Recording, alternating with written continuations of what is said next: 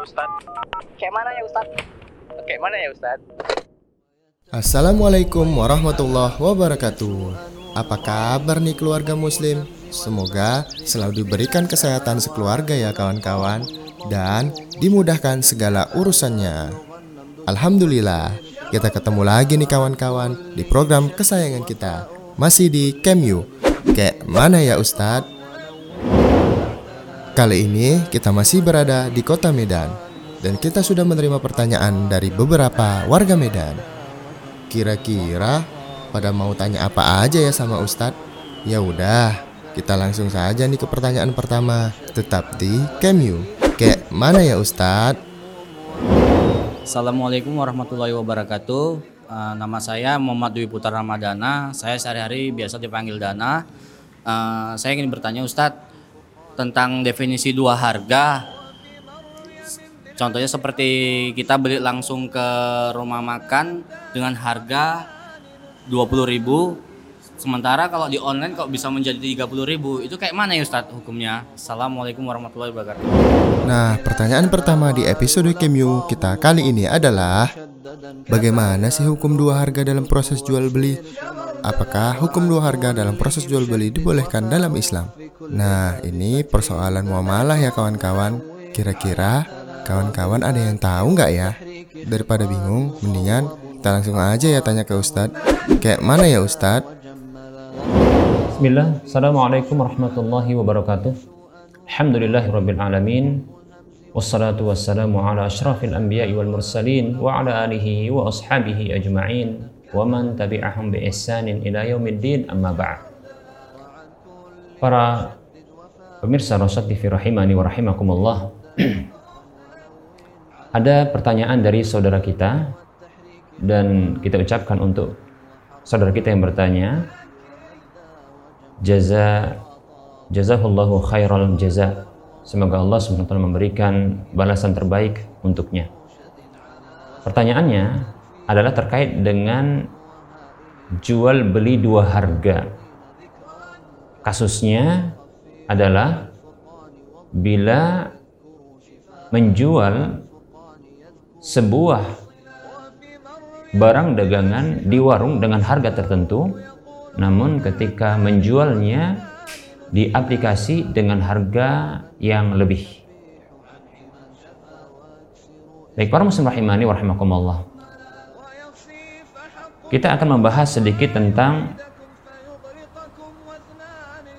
satu larangan Nabi Shallallahu Alaihi Wasallam di dalam bab muamalah yang disebut dengan an-nahyu anil bai'ataini fi bai'atin yaitu larangan dua jual beli pada satu jual beli.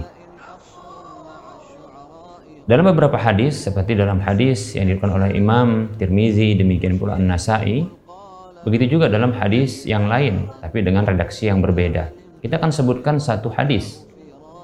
Hadis yang dikeluarkan oleh Imam At-Tirmizi dalam kitab sunannya dengan nomor urut hadis 1231 Hadis ini hadis yang sahih dari sahabat Abu Hurairah radhiyallahu anhu. Ia mengatakan Nahan Nabi sallallahu alaihi wasallam atau nah Rasulullah sallallahu alaihi wasallam an bai'ataini fi bai'atin. Nabi atau Rasulullah sallallahu alaihi wasallam melarang dua jual beli pada satu jual beli. Hadis riwayat Tirmidzi. Demikian pula An-Nasai. Baik para muslim rahimani wa rahimakumullah, sebagian ulama mentafsirkan maksud dari larangan Nabi Shallallahu alaihi wasallam dua jual beli dalam satu jual beli adalah bila satu barang dagangan dijual dengan harga kontan maka dia memiliki harga tertentu.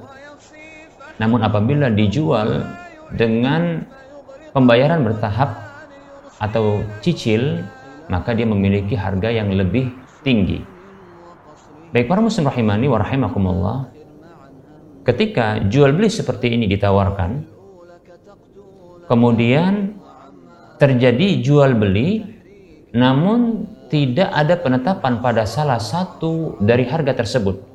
Namun jual beli telah berlangsung dan terjadi. Maka inilah maksud dari larangan Nabi Shallallahu Alaihi Wasallam, di mana pada satu barang, pada satu barang itu terjadi dua jual beli, yaitu jual beli dengan cara kontan atau jual beli dengan cara pembayaran bertahap atau cicilan. Dua penjualan pada satu penjualan barang demikian. Maka ini termasuk larangan Nabi Shallallahu Alaihi Wasallam. Bila terjadinya jual beli, namun tidak menetapkan salah satu harga. Bahkan ini termasuk ya jual beli gharar di mana tidak diketahui harga pada barang tersebut. Apakah harga barang tersebut adalah harga kontan dengan nilai tertentu ataukah harga dengan harga cicil tentunya lebih mahal demikian ini termasuk jual beli horor yang dilarang oleh Nabi Shallallahu Alaihi Wasallam. Namun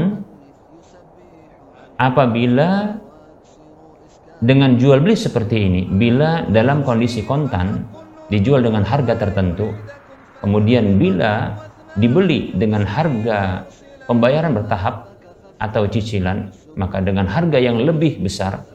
Namun ketika terjadi jual beli ketika ditawarkan dengan dua harga tersebut lalu dipilih salah satu dari harga yang ditawarkan kemudian barang pun berpindah kepada sang pembeli namun dia memiliki hutang untuk dilunasi kepada sang penjual maka seperti ini dibolehkan oleh sebagian para ulama. Demikian para muslim rahimani wa rahimakumullah.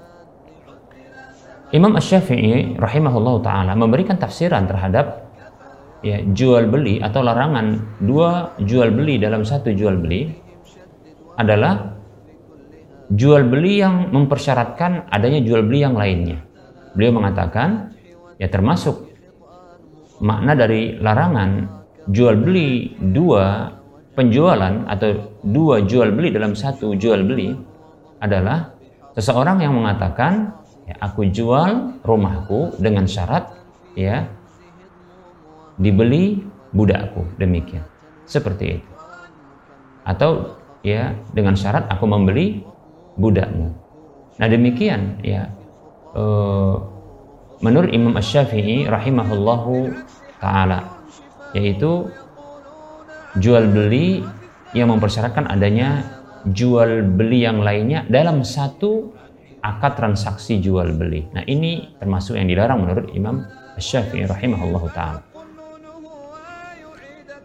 Adapun dalam kasus yang ditanyakan tadi, adapun dalam kasus yang ditanyakan tadi, apakah ini termasuk bentuk dua jual beli dalam satu jual beli baik para muslim rahimani wa rahimakumullah tentunya eh, perlu kita lihat bila maksud ketika menjual di warung kita katakan satu warung kuliner ya atau warung apa saja ketika dijual di warung tersebut secara offline langsung pembeli membeli di warung tersebut dengan harga tertentu. Kemudian ketika dia membeli dan si warung menjualnya ya melalui aplikasi penjualan maka dengan harga yang lebih mahal. Apakah ini termasuk larangan ya dua jual beli dalam satu jual beli? Maka wallahu taala alam saya condong ini tidak termasuk ya ke dalam larangan dua jual beli dalam satu jual beli. Mengapa demikian? Ya tentunya ya ketika menjual di warung secara kontan ini adalah barang yang berbeda dengan barang yang ketika dijual di di eh, media sosial atau di aplikasi penjualan Karena barang yang akan dibayarkan atau dise- diserahkan yang akan dijual ini barang yang tentunya dia berbeda. Demikian ya. Barang yang berbeda yaitu zatnya berbeda. Walaupun mungkin dari jenis yang sama tapi dia barang yang berbeda. Demikian ya. Maka tentunya ketika barang berbeda dijual, maka ini tidak masalah. Demikian. Nah, lebih-lebih tentunya ketika penjualan dengan melibatkan ya, aplikasi tertentu, di sana ada nilai lebih, di mana di sana ada nilai promosi, ya, dan ini tentunya promosi ini membutuhkan ya biaya. Begitu juga ada nilai iklan di sana. Nah, tentunya dengan menambahkan adanya biaya, menambahkan adanya biaya pada penjualan barang melalui aplikasi tertentu, ya, ini adalah satu yang real, ya, yang real. Demikian para muslim rahimani wa rahimakumullah. Bila aplikasi yang digunakan adalah aplikasi sekedar penjualan. Ya sekedar jasa untuk menjualkan barang tersebut dan mempromosikan serta mengiklankannya. Maka tentunya ya uh, wajar dan layak ya untuk diberikan biaya beban uh, iklan. Dan tentunya ini akan memperbas, uh, memperbesar biaya operasional sehingga dengan sendirinya barang itu ketika dijual Eh, lewat media maka media promosi, iklan atau semisal maka di sini tentunya wajar untuk diberikan biaya tambahan seperti itu. Namun berbeda halnya apabila ya ternyata ada pensyaratan ya pensyaratan dari pihak perusahaan aplikasi ini ketika para calon customer ya ketika ingin membeli barang-barang dagangan yang diiklankan atau yang dipasarkan lewat aplikasi tersebut ini mereka harus ya deposit uang terlebih dahulu. Lantas mereka akan mendapatkan berbagai bentuk hadiah. Maka di sini tentu adalah permasalahan yang berbeda lagi. Karena di sini menyentuh permasalahan ya dana atau uang yang dihutangkan kepada pihak perusahaan aplikasi lantas pihak customer pelanggan yang menggunakan pembelian lewat aplikasi ini akan mendapatkan ya potongan-potongan harga, bonus-bonus demikian pula hadiah-hadiah dari perusahaan aplikasi ya setelah mereka melakukan deposit uang. Dan tentunya deposit uang tersebut itu digunakan oleh perusahaan aplikasi tersebut. Nah, di sini ada keuntungan atau tambahan manfaat yang didapatkan oleh orang yang memberikan piutang. Dalam hal ini adalah mereka para customer atau calon-calon customer. Demikian. Ini mengikuti kaidah kullu qardin jarra nafan fahuwa riba. Setiap hutang piutang yang menarik keuntungan, manfaat atau apa saja, maka ini adalah riba. Demikian. Namun bila hanya sekedar numpang iklan ya, meletakkan iklan promosi barang-barang dagangan di sebuah perusahaan aplikasi ya, yang ini memiliki pasar yang lebih luas demikian. Lalu perusahaan aplikasi memberikan biaya tambahan ya, biaya tambahan. Lantas para pemilik produk tersebut ini menambahkan ke dalam biaya operasional sehingga harga jual dari barang produk tersebut ini semakin membesar ketimbang kalau dibeli dengan langsung ya kontan di tempat penjualan secara offline datang langsung seperti ke warung kedai atau yang semisalnya ya maka hanya sekedar seperti ini wallahu taala alam saya condong ini dibolehkan dan itu bukan termasuk jual beli dua harga atau dua penjualan dalam satu jual beli. Mengapa demikian? Karena zat barang yang dijual ini berbeda walaupun jenisnya sama. Walaupun jenisnya sama, ya. Karena Iya, benda-benda atau zat-zat barang yang dijual ini walaupun jenis sama, ini tentunya berbeda-beda. Tentunya pemilik barang boleh dia menjual dengan harga sekian kepada orang tertentu, orang tertentu atau kepada orang lain dengan harga yang yang lebih rendah atau lebih tinggi sesuai dengan tentunya penawaran. Wallahu taala alam. Semoga bermanfaat dan mohon maaf kalau ada kesalahan dan kekurangan. Wassallallahu ala Muhammad wa alihi wa ashabihi ajma'in. Wassalamualaikum warahmatullahi wabarakatuh. Alhamdulillah sudah paham kan kawan-kawan mengenai hukum dua harga dalam proses jual beli dalam Islam. Semoga penjelasan Ustadz tadi bisa menambah ilmu muamalah kamu dan agar muamalah kamu sesuai dengan syariat Islam. Selanjutnya, kita ke pertanyaan kedua di episode Kemyu kita kali ini. Pertanyaannya adalah Bismillahirrahmanirrahim. Assalamualaikum warahmatullahi taala wabarakatuh. Uh, nama Ana Dede. Ana mau bertanya, dahulu Ana Ana berprofesi sebagai seorang tukang masak. Lalu Ana pernah bekerja di sebuah restoran. Uh, dan Ana mau yang mau Ana tanyakan, dulu Ana pernah memasakkan masakan yang untuk uh, acara-acara yang seperti ulang tahun. Ana mau bertanya, hukumnya itu bagaimana ya Ustadz? Uh, mungkin itu aja pertanyaan dari Ana. Kayak mana ya Ustadz? Assalamualaikum warahmatullahi taala wabarakatuh. Pertanyaan kita kedua kali ini datang dari seorang mantan koki yang dulu beliau memasak untuk acara yang dilarang oleh syariat Islam. Kira-kira boleh nggak ya memasak untuk acara yang tidak dibolehkan dalam syariat Islam? Bagaimana sih hukumnya? Mendingan kita langsung saja tanya ke Ustadz. Kayak mana ya Ustadz? Bismillah, Assalamualaikum warahmatullahi wabarakatuh. Innal hamdalillah wassalatu wassalamu ala Rasulillah wa ala alihi wa ashabihi wa man walah wa la haula wa la quwata illa billah. Amma ba'd. Para pemirsa Rasyad TV rahimani wa rahmakumullah, ada pertanyaan dari saudara kita dan kita ucapkan terima kasih untuk saudara kita yang bertanya.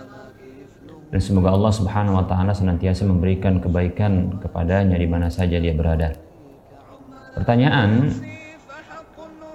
Pertanyaan adalah seputar tentang kegiatan chef atau koki yang menghidangkan atau menyajikan makanan masakan untuk acara-acara kemaksiatan seperti contohnya ulang tahun atau bahkan acara-acara yang mengandung kekufuran seperti Natal dan seterusnya. Baik para muslim rahimani wa rahimakumullah. Sesungguhnya menghidangkan makanan atau menyajikan makanan untuk sebuah acara-acara yang mengandung kemaksiatan yang acara ini zatnya adalah tidak diridhoi oleh Allah Subhanahu wa taala. Zat dari acara ini adalah kemaksiatan. Bentuk bermaksiat kepada Allah Subhanahu wa taala. Ulang tahun adalah bentuk meniru orang-orang kafir. Natal adalah bentuk kekufuran karena bentuk melegitimasi terhadap kekufuran ketuhanan Nabi Isa alaihissalam dan seterusnya dari acara-acara yang mengandung kemaksiatan bahkan di sebagiannya mengandung kekufuran. Nah, zat dari acara ini maka tidak boleh didukung. Tidak boleh didukung, tidak boleh ditolong dan tidak boleh dibantu. Allah Subhanahu wa taala berfirman dalam surah Al-Maidah ayat 2, A'udzu billahi minasyaitonir rajim. Wa ta'awanu 'alal birri wat taqwa wa la ta'awanu 'alal ismi wal 'udwan. Allah berfirman dan saling tolong menolonglah kalian di atas kebajikan dan ketakwaan di atas kebajikan dan ketakwaan. Dan janganlah kalian saling tolong menolong di atas dosa dan permusuhan. Dan tentunya kemaksiatan merupakan dosa, lebih-lebih kekufuran, bahkan ya termasuk di antaranya adalah kesyirikan. Oleh karenanya tidak boleh, tidak boleh ya membuat makanan, menghidangkan makanan untuk acara-acara tersebut karena itu merupakan bentuk dukungan. Itu merupakan bentuk bantuan terhadap acara tersebut. Nah, tentunya akan semakin meriah Apalagi contohnya masakan-masakan itu memiliki nuansa khas, nuansa khusus bagi acara tersebut. Demikian para muslim rahimani wa Dan tentunya chef atau koki ini itu mendapatkan perintah dari atasannya. Orang yang barangkali menggajinya Para muslim rahimani warahmatullah.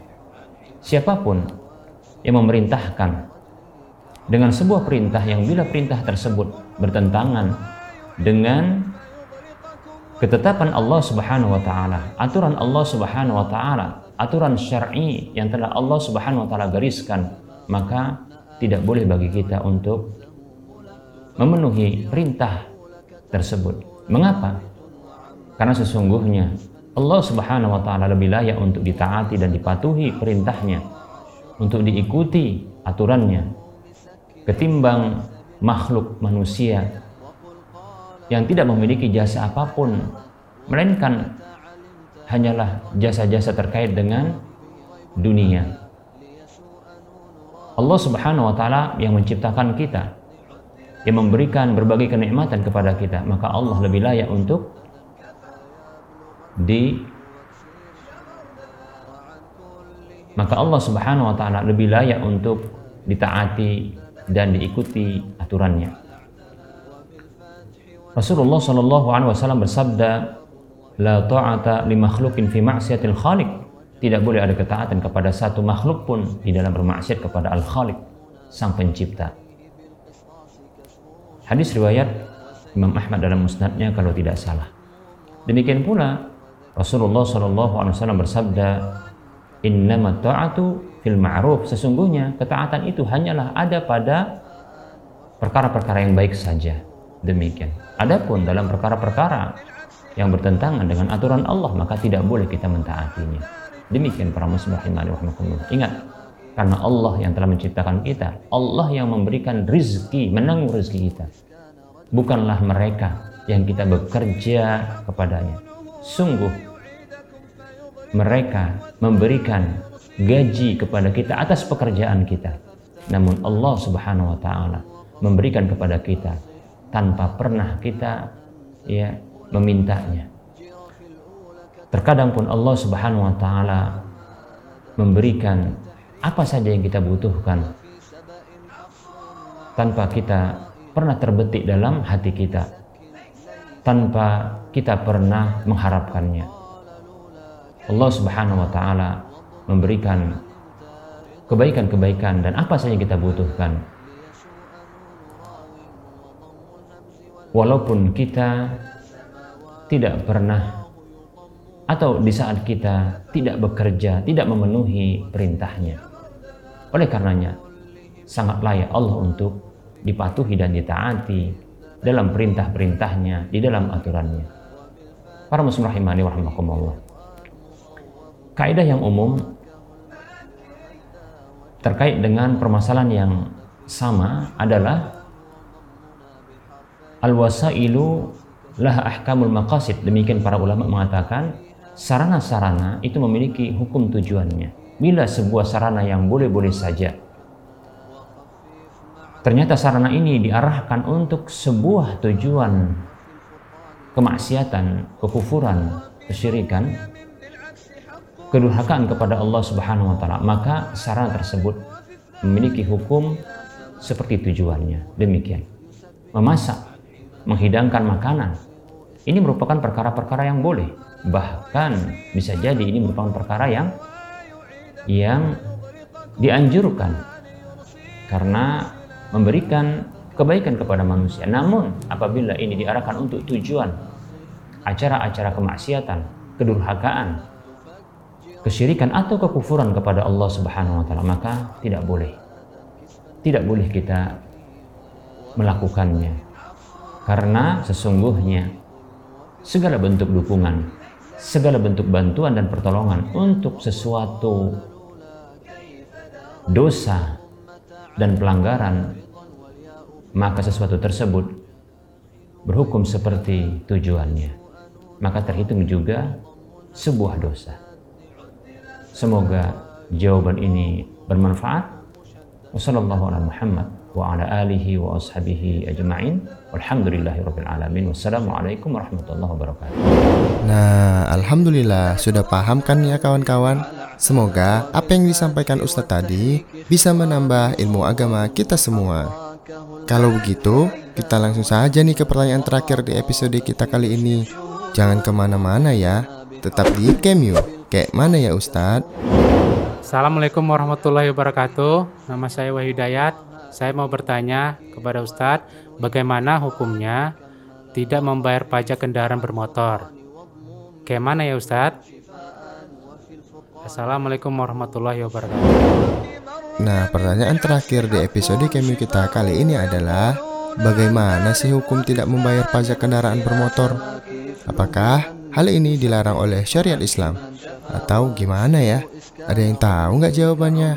Mendingan kita tanya ke Ustadz aja ya kawan-kawan Kayak mana ya Ustadz? Bismillah, Assalamualaikum warahmatullahi wabarakatuh. Alhamdulillahi rabbil alamin. Wassalatu wassalamu ala ashrafil anbiya'i wal mursalin wa ala alihi wa ashabihi ajma'in wa man tabi'ahum bi ihsanin ila yaumiddin amma ba'd. Para pemirsa Rosyad TV rahimani rahmakumullah. Ada pertanyaan dari saudara kita tentang pajak. Walaupun pertanyaan ini khusus tentang pembayaran pajak kendaraan bermotor. Namun kita akan bahas nantinya dalam pertemuan kali ini pembahasan tentang pajak secara umum. Baik para muslim rahimani rahimakumullah, sebelum kita menjawab pertanyaan saudara kita, kita ucapkan terima kasih kepadanya dan kita doakan semoga Allah Subhanahu wa taala menjaganya dan menjaga kita semua senantiasa dan selalu di dalam kebaikan. Amin ya rabbal alamin. Para muslim, para hamba Allah rahimani rahimakumullah. Pajak adalah beban biaya yang dikenakan oleh pemerintah kepada rakyatnya.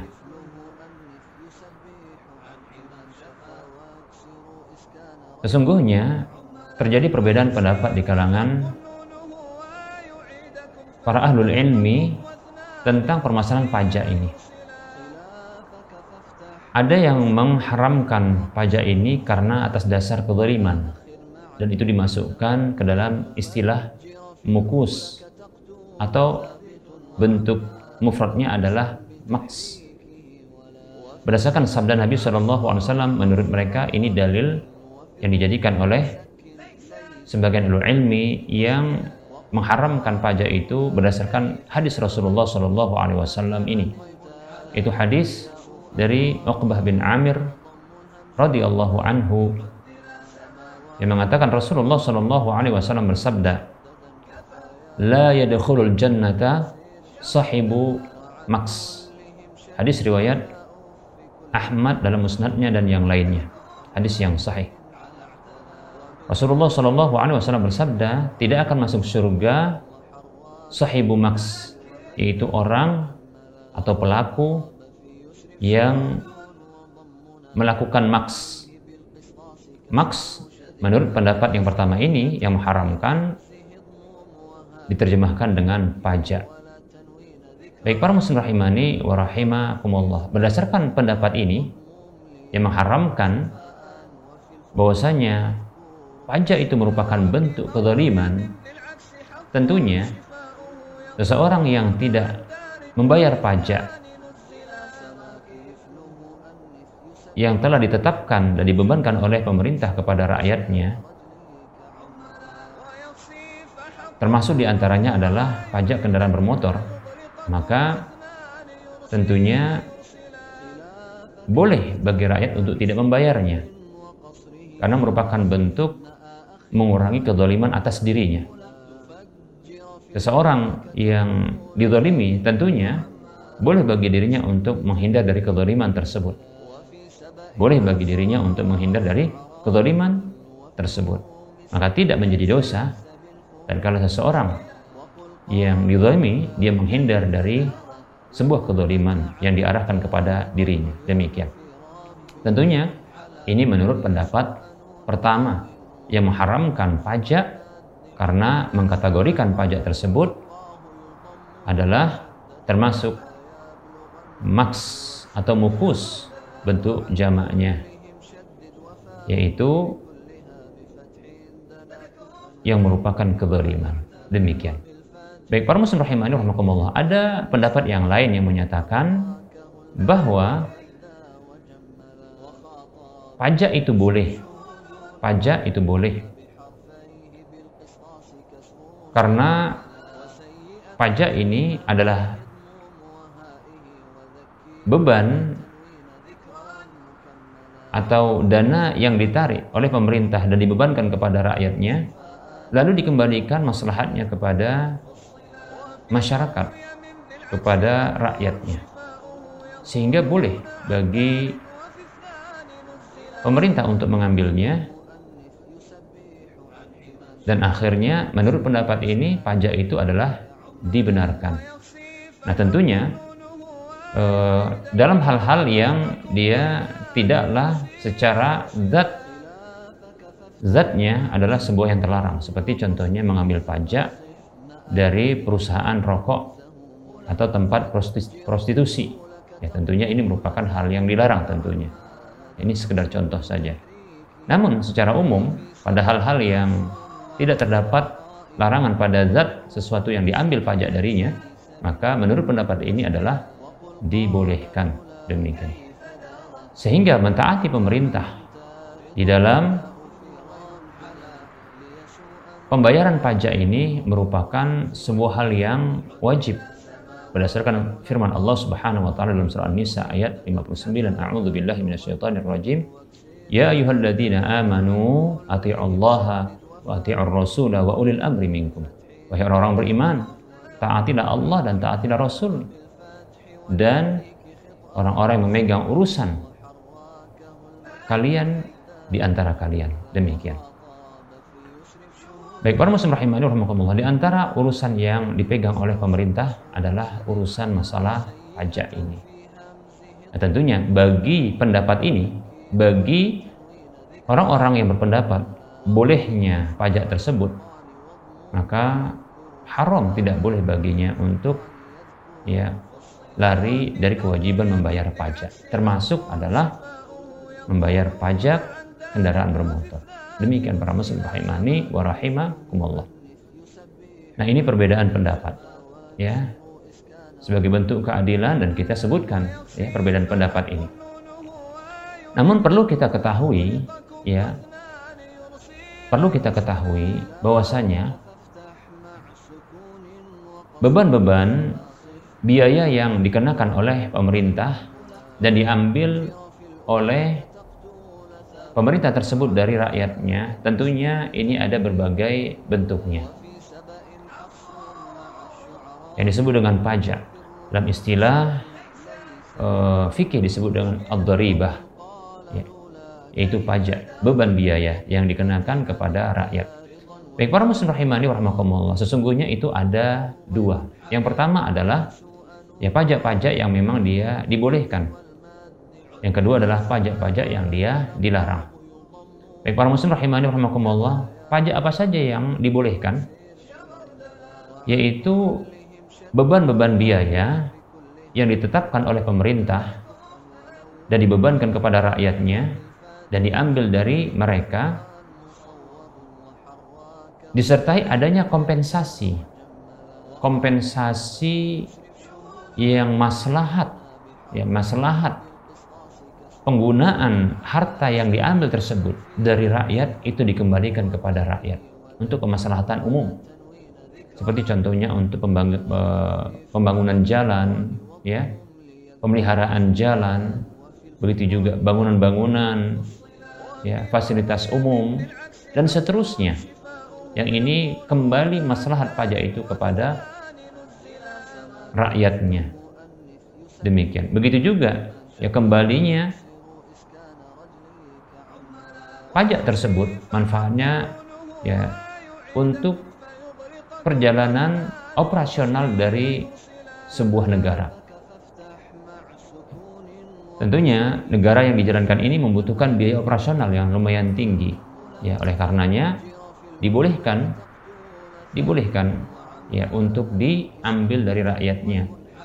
Ya, yang tentunya kompensasi dari pengambilan tersebut adalah mengembalikan pula maslahatnya ya kepada rakyat ya yaitu eh, pengambilan pajak atau dana tersebut dari rakyat ini dikembalikan maslahatnya kepada rakyat maka ini yang boleh dan tentunya tadi tidaklah ya eh, memberikan beban atau pemberlakuan pajak ini kepada tempat-tempat atau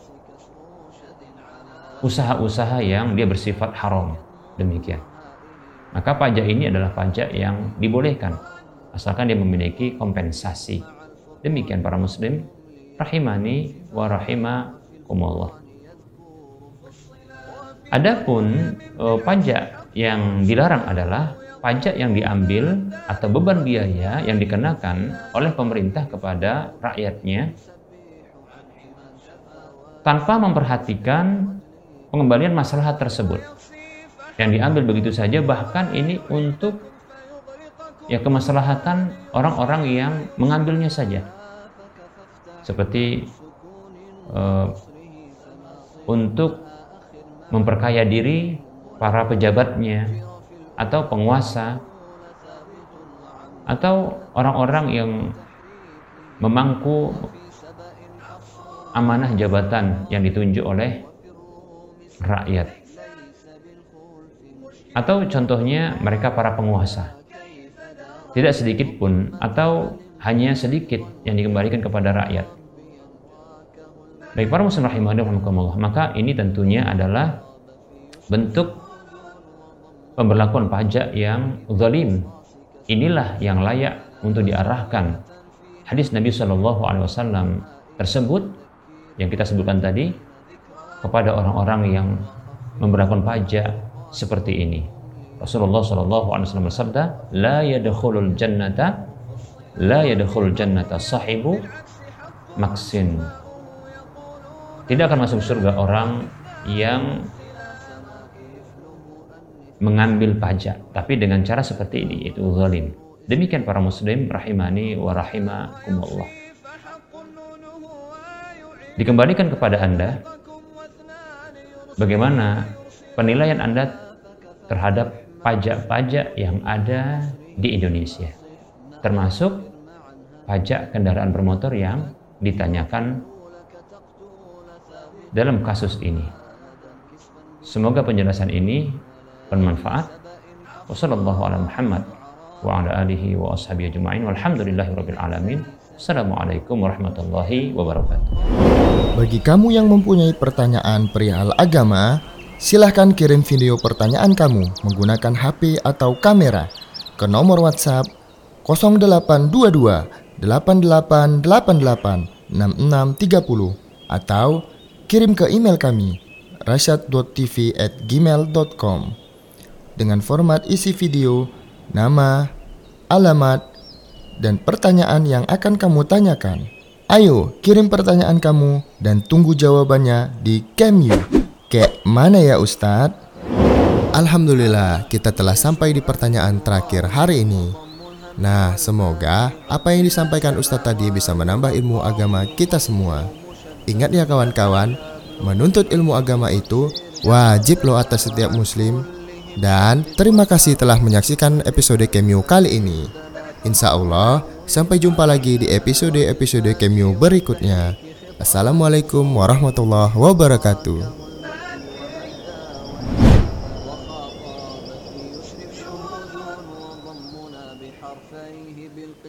كسر شد على وسيئة في همزه اضموم وهائه وذكر ولا تنوين ذكرا مكملا وخفف مع الفرقان واضموم ليذكروا شفاء وفي الفرقان يذكر فصلا وفي مريم بالعكس حق شفاؤه يقولون عن دار وفي الثاني نزلا سما كفله أنث يسبح عن حما شفا وأكسر إسكان رجلي كعملا ويصيف فحق نونه.